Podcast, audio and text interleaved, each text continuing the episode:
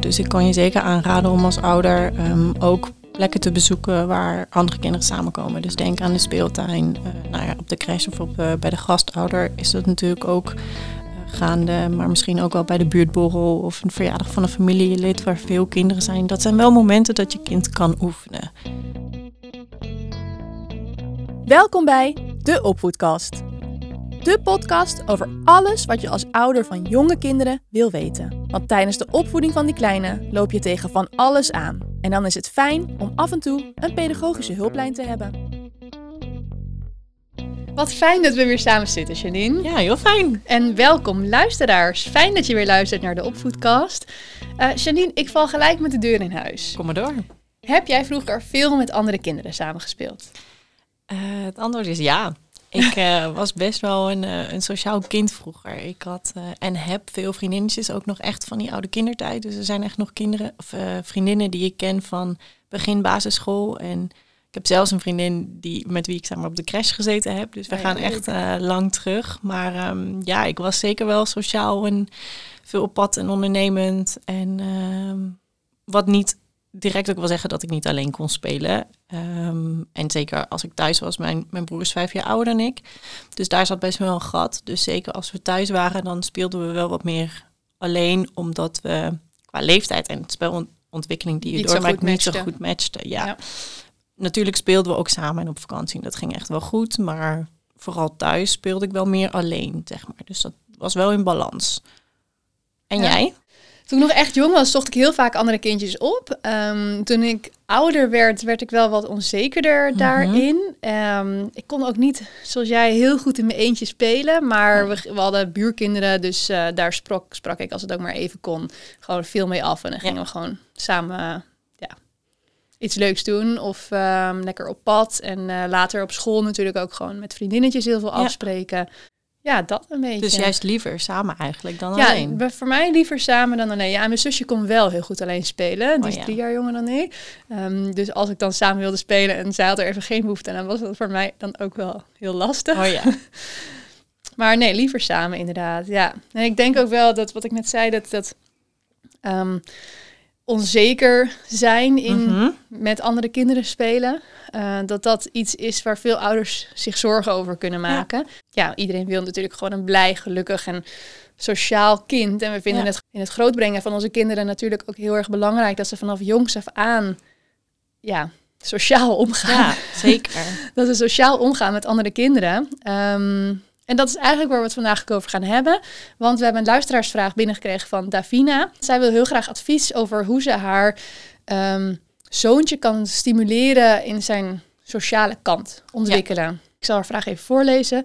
Zij zegt: Mijn zoontje van 3,5 jaar heeft moeite om contact te zoeken met andere kinderen. Hij is erg op zichzelf. Dit terwijl de kinderen wel met hem willen spelen of hem willen betrekken. In een lange, vertrouwde omgeving, zoals thuis of de vorige gastouder of bij een vriendinnetje of vriendje, heeft hij er geen last van. Wat kunnen wij hier aan doen? Moeten we zelf ook meer met hem spelen, zodat hij de sociale kant leert? Uh, ik denk een hele begrijpelijke en misschien ook wel voor sommige ouders heel herkenbare vraag. Dat je daar misschien zelf als ouder wel onzeker van wordt van is mijn kind wel sociaal genoeg?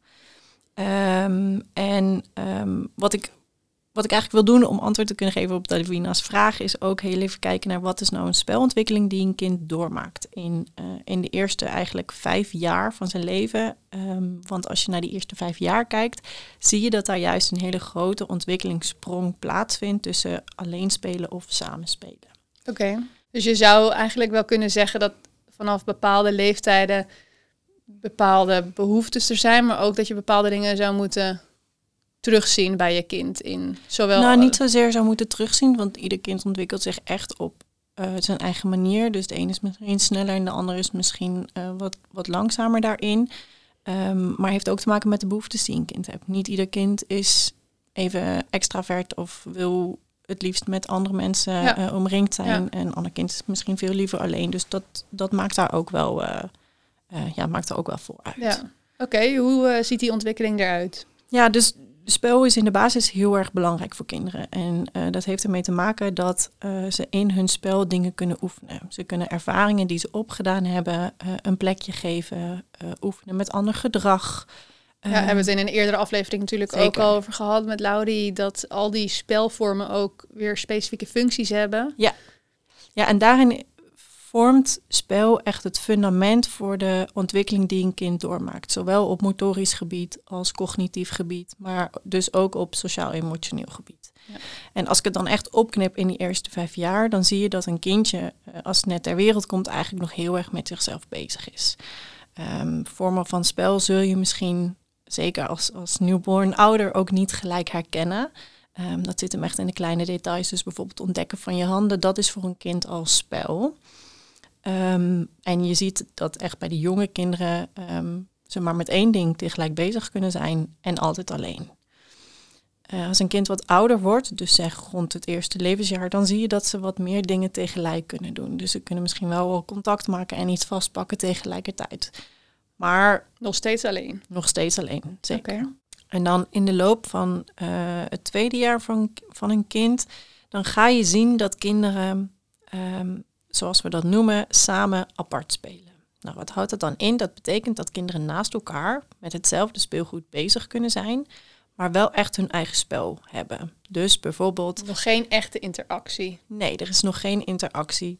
Dat wil zeggen dat ze wel naar elkaar kunnen kijken en eh elkaar spel kunnen imiteren. Dat is dan ook wel weer echt een vervolgstap in spelontwikkeling. Maar ze zijn dus wel echt met hun eigen ding bezig. Daarin kunnen ze elkaar ook juist inspireren. Oh, wat doe jij? Dat kan ik ook doen. Maar ze doen het in hun eigen spel. Echt afkijken dus. En eigenlijk vanaf het moment dat een kind, ja, zeg 2,5 jaar is, dan zie je dat kinderen eh, steeds meer contact proberen te maken met elkaar. Dat heeft er ook mee te maken dat ze steeds beter andere kinderen leren begrijpen. Dus dat maakt het ook makkelijker om wel elkaar op te gaan zoeken. Ja, misschien zelf ook al leren spreken. Misschien eh, Ja. helpt dat ook. Ja, letterlijk verstaanbaar maken. Ja. Maar wat je wel ziet is dat de eigen wil in dat spel nog zo belangrijk is. Waardoor de spel, het kan wel samenspel samen vinden, maar het is nog niet echt samenhangend. Nee, Dus het is niet afgestemd op elkaar. nee, nee, dat is dus ook waar we het ook in de eerdere aflevering o- over gehad hebben. Waarom eigenlijk dat samenspelen, samen delen nog niet echt aan de orde is. Nee, nee dat klopt. want Dat, dat kunnen ze echt nog niet. Nee. Nee. Rond een jaar of drie ehm, neemt dat begrip over omgaan met elkaar steeds meer toe. En eh, gaan kinderen ook langzaam begrijpen wat is nou samen spelen, maar ook samen delen. Dus dat begint eigenlijk pas vanaf die leeftijd zich te ontwikkelen. Vanaf ongeveer een jaar of drieënhalf ehm ontstaat er een vorm van spel wat we interactief rollenspel noemen. Oké, en dat is? Ja, goede vraag.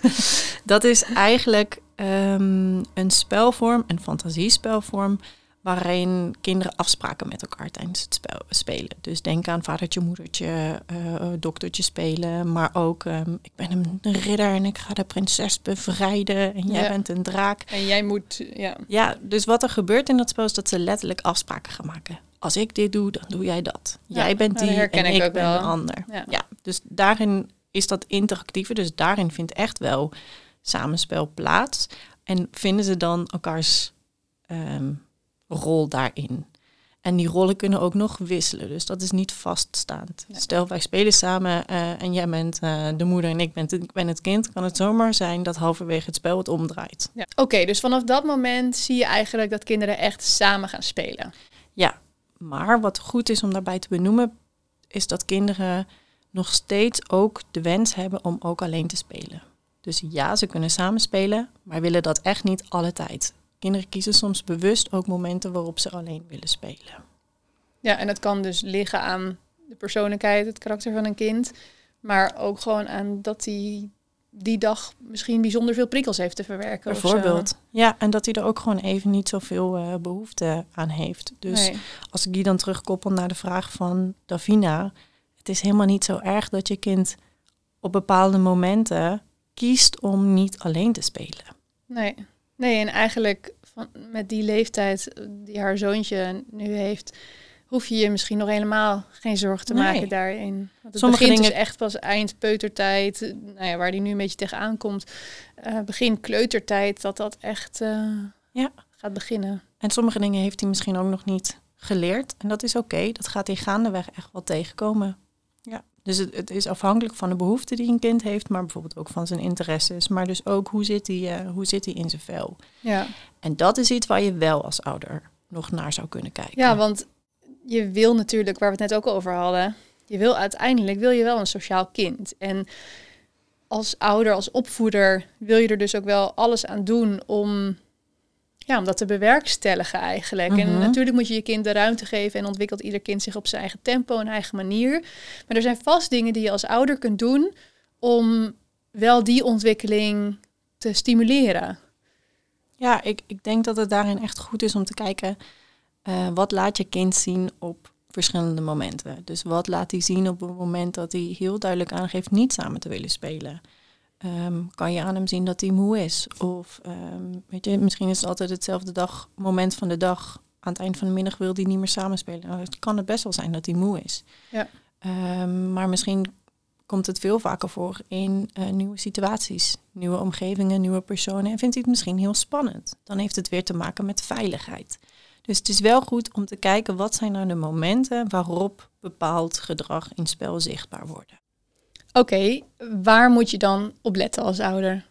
Nou, bijvoorbeeld, eh, stel je komt in een nieuwe situatie en je ziet dat je kind wat stiller wordt of wat verlegener wordt. Nou, dan heeft het vaak te maken met, ehm, met onveiligheid. Ehm, is het iedere keer voor zijn middagdut of is het iedere keer voor eh, in de avond lukt het hem niet meer? Nou, dan heeft het misschien wel te maken met, eh, met energie. Dus dat hij ja, een beetje moe is. Ja. Maar je kan ook kijken naar interesses die hij heeft. Misschien speelt jouw zoon heel graag met de blokken en speelt de rest de hele tijd met de auto's, dan kan het ook zijn dat hij omdat, vanwege zijn interesse niet wil samenspelen. Eigenlijk heel logisch dat hij dan niet aansluit. Ja, dan he- heeft hij een andere behoefte. Nog meer dingen waar je op kunt letten als ouder? Of- Ja, je kan ook wel zien, kijken naar hoe kijkt mijn kind naar het spel van andere kinderen.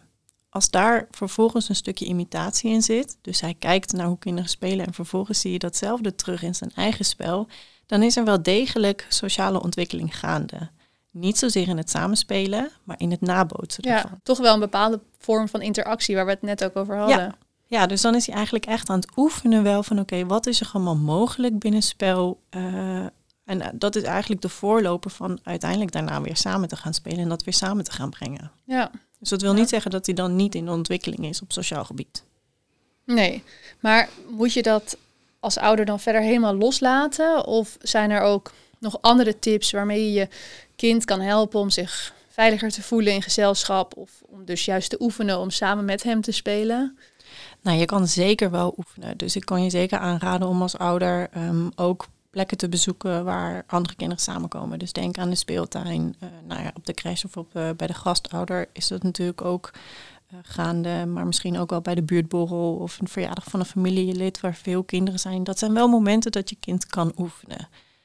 Belangrijk is om het kind niet verplicht te laten oefenen. Dus het kind bepaalt zelf. Nou, hij moet zich eerst veilig voelen.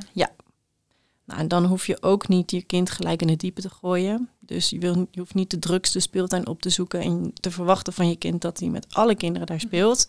Oefenen zit hem ook beginnen klein, dus met één of twee andere kinderen.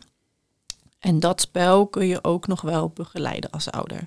Soms is het niet nodig, maar je kan, als je ziet dat het wat stroever verloopt, je wel eh, dat spel gaan begeleiden. Dus dat je aanhaakt. Dan kun je het goede voorbeeld geven. Eh, je kan ook afspreken, stel we zijn met de bal aan het rollen, gooi jij hem naar Clara, dan gooi ik hem naar Piet en dan mag hij weer naar de ander. Nou, je kan daarin dat samenspel wel begeleiden. Dus eh, Ik denk wel dat het zaak is om wel zoveel mogelijk de regie bij je kind of bij de kinderen te laten. Zeker weten. Ja, want dat is uiteindelijk ook waar die, eh, waar die van leert. En je kan daarin wel het goede voorbeeld geven. Dus stel we spelen met z'n drieën. ehm, dat je uitlegt, nou, eerst mag de bal naar de een, dan naar de ander en dan komt hij weer bij jou terug. Daarmee leer je wel een kind dat, dat samen delen eh, begrijpen. Gun je kind ook nog de balans tussen alleen spelen en samen spelen. Soms is alleen spelen ook een moment voor een kind om op te laden even eh, te ontprikkelen. Dat is oké. En als jij als ouder zegt, nee, je moet steeds samenspelen, dan kan dat niet meer. Dus vind daar ook echt de balans in. En dat zal echt voor ieder kind individueel zijn.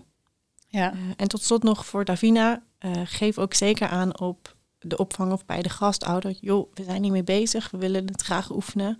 willen jullie dat op de opvang ook proberen? Ehm, want ja, hoe meer een kind hetzelfde ervaart in verschillende plekken om zich heen, hoe sneller die dat ook kan gaan leren. Ja, hoe sneller die het oppikt. Ja. ja. Ja. ik vraag me toch nog even af, want we hadden het net over dus het, ehm, het kijken naar andere kinderen en mhm. ja, gewoon observeren waar zij mee bezig zijn en dat dan vervolgens in zijn eigen spel laten zien. Mhm. Ehm, dat is iets waarvan jij zei dat dat eigenlijk al wel iets eerder in die ontwikkeling ja, terug te zien valt. Is dat dan misschien toch iets waar je als ouder wellicht zorgen over kunt of moet maken, omdat dat dan pas op 3,5-jarige leeftijd naar voren komt? Nou, ik zou me daar niet zorgen om maken. Wellicht is het meer verbonden aan een, een jongere leeftijd. Maar een kind mag ook altijd blijven leren. En uh, daarin ook inspiratie op doen. Op jouw werk kijk je misschien ook van, oh ja, hoe doet mijn collega dat? Dat is misschien wel heel slim of heel leuk. Dan ga je dat ook overnemen. En zo werkt het ook met kinderen. Dus het wil niet zeggen dat dat nabootsen in spel stopt bij een bepaalde leeftijd. Nee. Dus nee, dat is niet iets om je zorgen om te maken. Nee. Oké. Is er nog iets anders wat je Davina graag mee wil geven?